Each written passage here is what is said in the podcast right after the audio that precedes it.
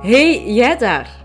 Welkom bij Ik zie me graag, de zelfliefde podcast voor België en Nederland. Ik vind het ontzettend fijn dat jij hier geland bent en dat ik jou welkom mag heten. Ik ben Lies en het is ondertussen al heel wat jaren mijn levensmissie om straffe madammen zoals jij te leren zichzelf opnieuw graag te zien. Ik zou zeggen, ga makkelijk zitten en geniet van deze nieuwe podcastaflevering. Misschien heb je al gemerkt dat er uh, de afgelopen dagen elke dag een nieuwe podcast online is gekomen. Ik uh, ben met mezelf een uitdaging aangegaan. 30 dagen, 30 podcasts. Dus uh, vandaar dat jij er nu heel erg veel kort op elkaar krijgt van mij. Ik vind het ook wel fijn begin er uh, steeds meer en meer ook van te genieten. Ik vond dat wel tof, podcasts maken. Uh, ik, had, ik heb, ik heb een, een, andere podcast gehad, maar die heb ik uh, offline gehaald, omdat ik het helemaal anders wilde doen, in een andere naam, een andere branding. En... Maar eh, ja, ik vind dat leuk om zo te vertellen over de dingen waar dat ik zelf een expertise in heb. En vandaag wil ik het met jou hebben over emoties. Um, emoties, je weet, ik vertrek altijd vanuit mijn eigen ervaring. Emoties is iets wat ik heel lang heb weggeduwd. Ik vond uh, heel veel dingen interessanter dan uh, mijn emoties aankijken en ondergaan. Ik verdoofde mijzelf met eten, met drank, met seks, met nieuwe relaties, nieuwe job. Zwat, you name it. Um, ik verdoofde mijzelf om mijn emoties niet te hoeven voelen. Achteraf gezien was dat niet mijn slimste move. Maar je kunt de klok niet terugdraaien, je kunt het verleden niet veranderen. Je kunt alleen maar op een bepaald moment dat je erachter komt en beseft van... Hmm, ik heb precies wel heel erg veel in dat potje emoties gestopt. En dat deksel is zo wat aan dat gaat eraf komen. Dat is zoals in een pot water of een pot melk of whatever. Dat, ontover, dat zo juist nog niet aan het overkoken is, maar dat je zo ziet van... Oeh, het begint te borrelen, het begint te borrelen. Het deksel komt al een beetje omhoog. Wel, bij mij kwam het deksel omhoog en het schoot er gewoon vanaf op een bepaald moment. En je kunt waarschijnlijk al raden, als je naar mijn vorige podcast-aflevering hebt geluisterd, wanneer dat, dat gebeurd is. Januari 2010. Dat is voor mij echt zo'n gigantisch uh, belangrijk moment geweest. Het moment dat mijn burn-out volledig uitbrak. Uh, dat mijn lichaam besloot dat het genoeg geweest was. En dat ik uh, genoeg mezelf had tegengewerkt. En dat het tijd werd om ja, mezelf niet meer tegen te werken, maar om verandering te brengen in al datgene wat dat er ja, onderhuids leefde. Om dat eindelijk onder ogen te zien, om dat eindelijk te gaan opkuisen. En daar hoorden natuurlijk ook al die weggestopte emoties bij. En um, ja, ik had er best wel veel om uh, mee te dealen. En gelukkig is ons lichaam heel erg slim, hè? want uh, ik krijg soms uh, vragen en dan, ja, maar ja, ik denk eens dat ik dat potje open doe van emoties, ja, daar komt geen einde meer aan. En dan ga ik in een zwart gat terechtkomen. En trust me, je lichaam is echt ontzettend slim en gaat u eigenlijk die emoties, eens dat je besluit dat het oké is om ze te uiten en ze naar boven te laten komen, dat, die gaat dat gradueel toelaten. Dus je gaat eigenlijk die emoties ervaren, voelen, waar dat je klaar voor bent om er door te gaan, om ze te verwerken. Dus je hoeft nooit bang te zijn. En misschien staat je aan het begin van dat proces van ja, het is tijd om emoties te beginnen toelaten. Dan zet je daar wat bang voor don't be afraid. Feel the fear and do it anyway. Gaat er gewoon door en begint eraan. Want er is geen enkel moment zo goed om eraan te beginnen als dit moment. En um, ik had echt wel veel emoties. En ik heb het geluk gehad dat mijn emoties... Um, allee, ik had mijn emoties weggestopt. Ja, achter echt wel een hele dikke, dikke muur. Mijn hart zat ook echt op slot. In eerste instantie voor mezelf. En daardoor natuurlijk ook voor mensen rond u. Dat is gewoon, als dat, gebeurt, als je je hart afsluit, sluit je hart niet alleen af voor de mensen buiten u, maar sluit je hart ook af voor jezelf. En um, met dat ik dankzij mijn burn-out werd uitgenodigd om naar mezelf te kijken, letterlijk, elke dag in de spiegel, het spiegelwerk te beginnen doen. In het begin deed dat eigenlijk heel weinig. En um, kwamen er vooral de stemmetjes, hè, uh, de negatieve self-talk naar boven. Maar met dat ik dat bleef volhouden, dat spiegelwerk, kwamen er gaandeweg wel... Ja, kwamen er zo gaandeweg wel dingen boven die dat ik al heel lang niet meer ervaren had. En uh, er zijn dan drie emoties die wel ja, de bovenhand namen uiteraard. En je hebt binnen elke emotie heb je een heel scala hè, aan emoties. En er zijn vier basisemoties. Boos, bang, bedroefd en blij. En bij mij waren het vooral de boze emoties. Ik was de boosheid de, en, en verdriet. Dat waren de twee die de, bovenhang, angst, eh, de bovenhand namen. Angst heb ik pas eigenlijk, of ben ik pas nadien beginnen ervaren, omdat er, ja, doordat ik die emoties toeliet en doordat die bovenkwamen, doordat ik besefte dat ik er zoveel had weggestopt, was ik eigenlijk toen vooral bang van, wow, wat gaat dit met zich meebrengen? Wat gaat dit losmaken in mij? Wat gaat dit veranderen en wie ga ik zijn? Dus ik was daar vooral wel bang voor. Maar ja, dus boosheid en verdriet. En um, dat, dat ging dan vooral natuurlijk over dingen die ik had weggestopt. Hè. Uh, ik, ik bedekte... Ik, ik kan heel goed dingen uh, herkaderen. Als je ooit uh, al eens gehoord hebt van het Enneagram... Ik ben een type 7 en type 7's binnen het Enneagram zijn een meester in het herkaderen van dingen die gebeuren. Ik was daar ook echt master, master in. Dus ik had heel erg veel dingen herkaderd onder het mom van het is allemaal zo erg niet. Ik had heel veel dingen geminimaliseerd. Ah, silver lining. Um, alles heeft ook een positieve kant. Waardoor ik natuurlijk alles wat dat de mindere dingen waren, ja, die, die zaten daar allemaal nog. Die zaten allemaal te sluimeren onder de oppervlakte. Want de oppervlakte was shiny en sparkly en happy. Maar als je de happy, shiny, sparkly, als je die laag, als je durfde onder die laag te kijken, ja, dan um, zat er heel veel verdriet en boosheid over wat ik wel gedaan had, niet gedaan had, wat ik had toegelaten, de grenzen die ik niet gesteld had de dingen die ik gedaan had, waar ik mezelf voor mocht vergeven. Ehm, de kansen die ik gemist had door eh, niet mezelf te zijn, door mezelf aan te passen. Zodat, ik moet voor misschien geen tekening bij te maken voor u. Ik hoop ergens van wel dat je dit nog nooit ervaren hebt. Maar er kwam zoveel en ja, er was wel echt werk aan de winkel. Dus ik mocht die emoties gaan toelaten. Ehm, en zoals ik er juist gezegd heb, uw lichaam is daar echt heel erg ondersteunend in en gaat u helpen om dat stap voor stap te doen, laag per laag. Nooit alles komt in één keer. Ook al voelde het voor mij wel, weet je. Ehm, ik heb in mijn Flamingo-programma een, een, paar jaar geleden de, de, de metafoor, ik werk heel graag met metaforen, de metafoor gemaakt van ehm, je mocht je emoties parkeren, hè, want je weet dat zelf ook.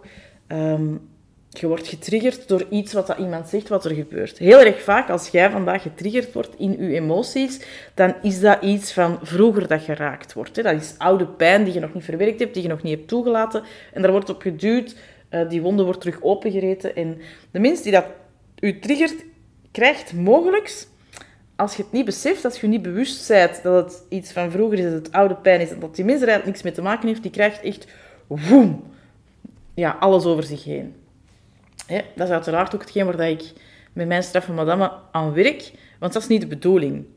Er wordt iets in u getriggerd, er wordt iets in u geraakt, dat is een uitnodiging om ermee aan de slag te gaan, maar dat hoeft je niet te doen ten aanzien van de persoon die u getriggerd heeft, omdat dat in 9 van de 10 gevallen ook helemaal niet over die persoon gaat. Denk aan dat je iemand tegenkomt, uh, in, in, of een kassierster, uh, je vraagt iets en je staat aan de kassa aan te schuiven, je vraagt iets over, weet ik veel, wat een promo die er is, en je krijgt ineens zo het gesnauw over je. Ja, dan kun je dat persoonlijk nemen of dan kun je denken van, ah ja, hmm, ik heb, ehm, ja, ik was precies de druppel die de emmer liet overlopen. Die heeft waarschijnlijk van een morgen iets meegemaakt. En die vraag was er dan zo justjes te veel aan. Maar jij krijgt dat over u. Dat is natuurlijk ook hetgeen wat dat jij doet. Hè, als jij je zo in reactie... Hè, dat is eigenlijk heel reactief dan. Reactief. Ehm, op je trigger reageren en de andere persoon eigenlijk gewoon de nimmer met alle bagger over zich kappen. Dat is niet het plan. Dat gebeurt. We've all been there. Ik ook. Ook al ben ik al jaren ondertussen bezig met uh, emoties en leer ik het aan andere mensen. Ook mij overkomt dat nog. Hè? Dus uh, ik ben zeker geen heilige. Ik ben absoluut niet perfect. Alsjeblieft niet. Ik denk dat het leven heel erg saai zou zijn als het perfect zou zijn. Dus ik ben dat ook niet. Maar wat, terug naar die triggers. Dus je wordt getriggerd en dat is eigenlijk altijd een uitnodiging om ermee aan de slag te gaan. Maar dat is niet altijd het moment natuurlijk. Want ja, stel je zit in een vergadering, je baas zegt iets, je neemt dat persoonlijk. Je voelt dat dat iets is van vroeger, je voelt je niet gezien, niet erkend, niet gehoord, niet gewaardeerd. Je weet dat dat eigenlijk niet hè, je baas zijn schuld is, dat dat een uitnodiging is. En dat is niet iets waar je op die moment direct iets mee kunt. Dus je moogt dat parkeren. Het gevaar als je dat parkeert is, of het risico als je dat parkeert, is dat je er uh, later die dag nog eens aan terugdenkt. En dat je zoiets hebt van, oh, weet je, eigenlijk was dat toch zo erg niet. Ha, weet, je, whatever. En je laat dat in de parking liggen. En ik heb toen de metafoor gebruikt, de frigo of de koelkast en de diepvries. Je moogt van mij alles waarin dat je getriggerd wordt in de frigo, in de koelkast leggen. Maar als je dat daar lang laat liggen, dan gaat dat verhuizen naar een diepvries. Dan gaat dat bevriezen. Wat dat betekent dat als je dat bij alles doet en niet aan de slag gaat met de triggers, de uitnodigingen die er zijn, de oude emoties, de oude pijn die daardoor geraakt wordt, dan gaat je op een bepaald moment je diepvries moeten onttooien. Want dat is gewoon zo, dat gebeurt. Bij mij was dat met een burn-out, die ervoor zorgt dat een diepvries onttooid wordt. Ja, en dan gaat je die deur opentrekken en dan krijg je het wel allemaal in één keer over u zeg het nog eens, uw lichaam is daar heel ondersteunend in. Maar dat voelt echt wel alsof er een tsunami aan emoties op u afkomen, waarvan dat je in eerste instantie niet weet, wow, wat moet ik hiermee? Ja, waardoor dat je dan natuurlijk overweldigd geraakt, je geraakt in freeze-modus. Dat is niet het allerhandigste om daar dan alleen mee aan de slag te gaan. Daarom zijn wij coaches ook met zoveel, zodat je iemand kunt vinden die u daarin kan helpen, die u daarin kan begeleiden, om dat stap voor stap, laag per laag aan te pakken. Want het is ontzettend belangrijk om al uw oude rommel, die dat je misschien al jaren met je meesleurt in je rugzak, om die aan te pakken. Ik heb dat ook gedaan. Vond ik dat tof? Nee. Ben ik blij dat ik dat gedaan heb? Ja. Heb ik alles in één keer aangepakt? Hè? Want mijn eerste laag afschrapen en groeien naar liefde voor mezelf, dat heeft een jaar geduurd. Uh, een jaar, een half jaar geduurd. Het heeft een half jaar geduurd voordat ik in de spiegel kon kijken en mezelf dat, dat niet alleen kon zeggen tegen mezelf, ik zie u graag, maar dat ook kon voelen. Dat was voor mij mijn eerste laag. En ik heb zeker dat eerste half jaar veel opgeruimd, maar absoluut niet alles het gaat in stadia, dat gaat in, hè, dat gaat in lagen, dat gaat in stappen. En al een geluk, hè, want uh, niemand heeft er tijd voor om daar een dagjob van te maken. Hè, van persoonlijke ontwikkeling of van aan de slag gaan met je emoties en met jezelf.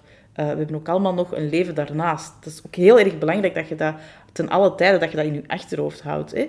Je hoeft van persoonlijke ontwikkeling nooit een dagjob te maken. Het is uh, het leven zelf dat je uitnodigt om stil te staan bij bepaalde dingen. Als je getriggerd wordt of je leest ergens iets en je wordt geraakt, um, je, voelt u al een paar dagen niet goed in je vel, je slaapt niet goed. Weet je, dat zijn allemaal uitnodigingen die u overkomen, die het leven u geeft om stil te staan, om bewust te worden, om aan de slag te gaan met datgene wat er op die moment is. Je hoeft niet te gaan vroeten tot helemaal van onder. Nee, het zal zichzelf wel aandienen. Als jij er klaar voor bent om ermee aan de slag te gaan, dan dient het zich aan. Dus het kan heel goed zijn dat je een bepaalde periode merkt dat je telkens opnieuw getriggerd wordt en dat je, ja, dat je zo'n zwaar gevoel op je borst hebt. Dat je, hé, denk aan een bodyscan of zo, uh, van de zwaarte die je voelt op je borst. Ja, je voelt dat er iets weegt op je. Ja, dat is heel vaak verdriet natuurlijk. Hè. Uh, longen zijn ook verbonden aan verdriet. Dat is heel vaak verdriet dat er zit. Weet dan, als je daar meerdere malen in getriggerd wordt en je voelt dat dat, zwaarder en zwaarder wordt, die druk op je borst, ja, dat is een uitnodiging om aan de slag te gaan met je verdriet en om daar echt naar te kijken. En ja, er zijn manieren om dat te laten bovenkomen, om dat dan echt eruit te laten. Uh, ik ben, bij verdriet bijvoorbeeld, ik heb daar een hele mooie playlist voor gemaakt voor mezelf. Liedjes die mij raken, want ja, dat is natuurlijk belangrijk dat het dan muziek is. Liedjes zijn die dat u raken. Doe dat, maakt u een Spotify playlist. Um, zet dat op en laat uw tranen stromen, laat uw tranen eruit. Je hoeft vaak zelfs niet te weten waar van die tranen komen of uh, welke gebeurtenis dat er ooit is geweest waardoor dat jij je nu niet gezien, erkend, gewaardeerd, goed genoeg voelt en waardoor dat je verdriet voelt bovenkomen. Dat hoeft zelfs niet, maar laat dat wel bovenkomen. Als je voelt dat het op je weegt, laat het bovenkomen. Um, zelf verdriet vond en vind ik een emotie die redelijk gemakkelijk was om te uiten en om te laten bovenkomen.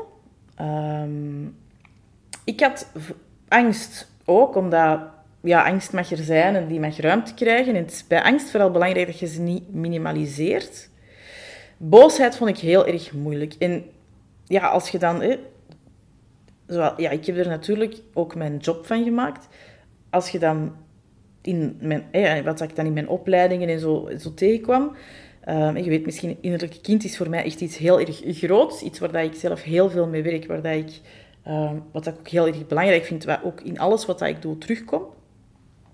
Maar ik ging zien ook, als je kijkt naar hoe heb je het geleerd om om te gaan met emoties, hoe uit je ouders emoties, hoe werd er in je familie omgegaan met emoties, dan zag ik dat verdriet, dat werd wel toegelaten, dat was er, maar dat, was, dat werd nooit echt heel erg openlijk um, getoond. Dat was zo vaak nog wel wat stiekem zo, uh, in de wc gaan wenen of zo, of op de slaapkamer.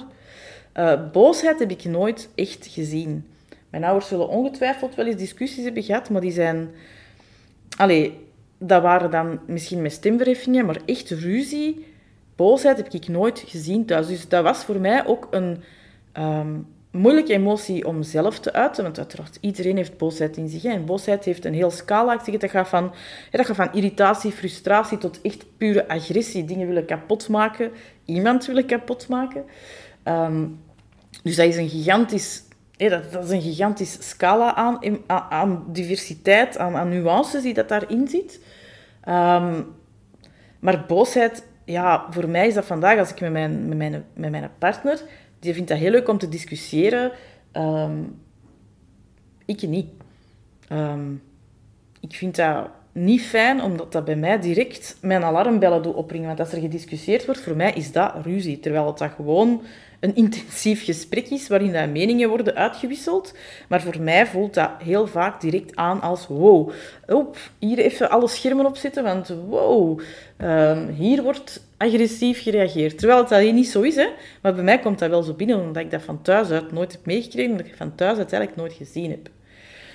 Dus ga ook eens kijken naar hoe dat, dat bij u was. Hoe hoe heb jij emoties meegekregen van thuis uit? Heel erg vaak zo angst, ja, dat wordt weggesust. Nee, daar zitten geen monsters onder je bed. Ah, je hoeft daar niet bang voor te zijn. Komt allemaal goed, je gaat dat kunnen. Terwijl de angst echt een reële emotie is. En die mag er zijn, en die mocht jij voelen, en die mocht jij uiten, daar mocht jij over praten.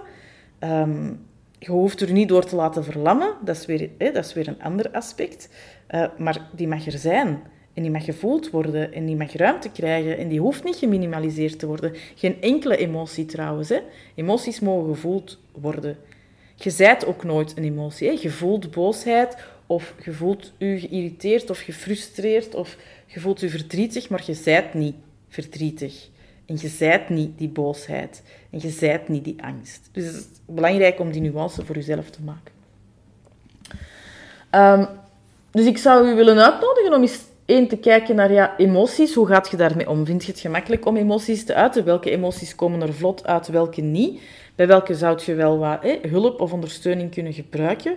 Waarvan voelt je dat er wel emoties zijn, maar vind je het moeilijk, durft je het eigenlijk niet? Het zijn allemaal mooie dingen om je bewust van te worden. Iedereen heeft emoties, iedereen voelt emoties. Je voelt er vaak een hele dag door, door je heen bewegen. Je hoeft niet met alles iets te doen. Doe vooral iets met die emoties die iets in je triggeren. Als je voelt dat je geraakt wordt en er zijn bepaalde dingen waarvan dat je zo merkt van, mm, bepaalde periode dat er zo emoties terugkomen, gaat er dan mee aan de slag. Ziet dat echt als een uitnodiging. Geef ze ruimte. Geef ook de mensen rond u ruimte om hun emoties te uiten.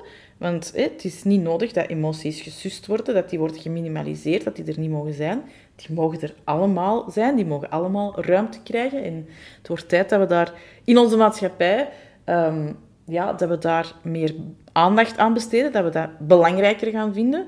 Want hoe minder opgekropte emoties er zijn, hoe mooier dat de wereld gaat worden. Daar ben ik echt heilig van overtuigd. Anders zou ik dat werk natuurlijk ook niet doen. Hè. Um, wat wilde ik nog meegeven?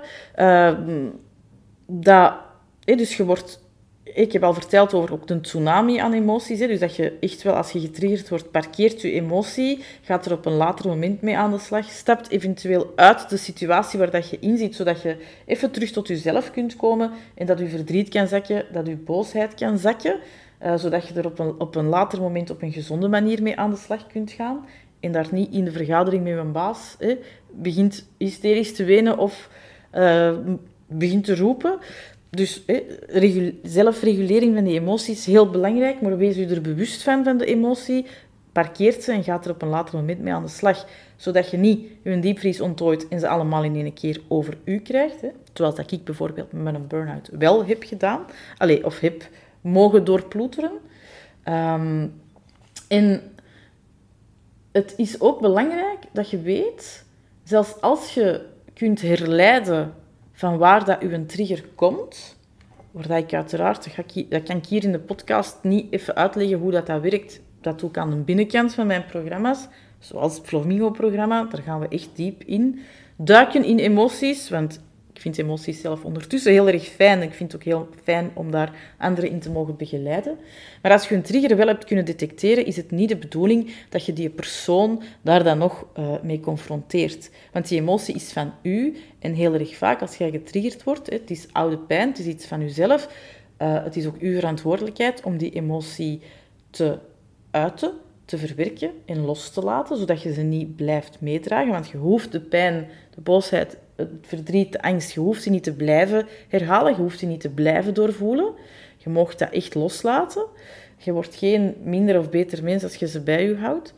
Maar je hebt daar ook die andere persoon, die dan misschien toen ooit vroeger iets, u iets heeft aangedaan. Uh, jij hoeft die daar niet mee te confronteren. Waarom niet? Perceptie van wat dat je gedaan hebt en schuldbesef en zo, dat is iets heel eigenaardigs, dat is ook iets heel erg persoonlijks en heel vaak gaan mensen dat niet weten. Ik heb bijvoorbeeld zelf met, met een burn-out, wat kwam er bijvoorbeeld boven wat dat heel oud was. Allee, toen, ik heb mijn burn-out gekregen op mijn 31ste. Ik ben uh, op school zwaar gepist geweest op mijn 13e, 14e. En dat had ik eigenlijk ook zo weggevaagd, omdat ik dan ja, het jaar erachter wel een fijne vriendenkring en, en wel fijne mensen, vriendinnetjes had gevonden om aansluiting bij te nemen toen ik van richting was veranderd. Um, maar binnen die tsunami aan emoties die bovenkwamen, was ook dat een heel belangrijk stuk. Want ik was toen niet gezien, ik was toen niet erkend, ik was toen niet goed genoeg om erbij te horen. Ik werd uitgestoten, ik werd afgewezen. En dat is eigenlijk een thema geweest dat ik ben blijven meedragen heel mijn volwassen leven in. Dus ik mocht daarmee aan de slag gaan. En ik kon uiteindelijk detecteren van waar dat kwam. Dat kwam van gepest te zijn. Maar ik heb daar nooit die pisters over gecontacteerd. Ik heb heel veel brieven geschreven, ik heb heel veel boosheidoefeningen gedaan daar rond. Maar ik heb die daar nooit over gecontacteerd om te vertellen van... Zeg, weet je wat dat Gollum mij hebt aangedaan? Want daar gaat het niet over. Die hebben dat ook niet beseft. En dat is oké. Ik heb dat nu ook kunnen loslaten, omdat ik daar rond gewerkt heb. Dus je hoeft de personen uit het verleden niet opnieuw in je heden te integreren. Dat is niet nodig. Ook als dat iemand is die dat je vandaag nog kent, die dat, die, uiteindelijk de trigger is van de emotie, hoeft je die er ook niet mee te confronteren of haar er niet mee te confronteren. Je kunt dat op jezelf verwerken, maar het is wel belangrijk dat je ermee aan de slag gaat en dat je er niet mee blijft zitten. Dus ik hoop dat deze aflevering... Ehm, ik hoop dat er trouwens een draad in zit, want ja, ik vertel altijd, ik ga zitten en ik zet mijn microfoon aan en ik neem, hè, ik neem op. Uh, dus ik hoop dat er dat draad in zit. Um, geef je emoties ruimte. Ga er eens echt voor zitten en voelt wat dat er is. Daarom ook, hè, dat alles is aan elkaar gelinkt. Hè. De, wat voelt je in je lichaam? Wat leeft er in je lichaam? Gaat u ook heel vaak dingen vertellen over de emoties die klaar zitten om verwerkt te worden. Want je weet, hè, je lichaam is uw vriend, nieuwe vijand. Uw lichaam ondersteunt u ook echt in dat proces van het verwerken en het uiten en het loslaten van die emoties. Geef uw lichaam ook de kans om dat te doen. Um, maar gaat ervoor zitten en voel en durf voelen. En um, gaat ermee aan de slag, alstublieft. Laat de emoties van vroeger u vandaag niet bepalen. Je mocht die echt wel nu eindelijk uit je rugzak laten of halen, bekijken, verwerken en loslaten. Dus ik hoop dat deze aflevering daar een uitnodiging voor geweest is.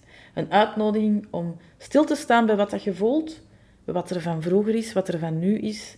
En uh, om daar echt ruimte voor te nemen om die naar buiten te laten, om ze te verwerken en om ze los te laten. En dat uiteraard allemaal ja, op een gezonde manier. Hè? Waarschijnlijk heb je bij het beluisteren van deze aflevering over emoties wel gehoord of gevoeld ja, hoe belangrijk ik dit onderwerp vind. Ik zou er uren over kunnen praten en dat doe ik uiteraard ook, maar wel aan de binnenkant van mijn Flamingo-programma. Je kan in deze roadmap naar zelfliefde, waar we ook diep aan de slag gaan met emoties, instappen tot en met 15 februari.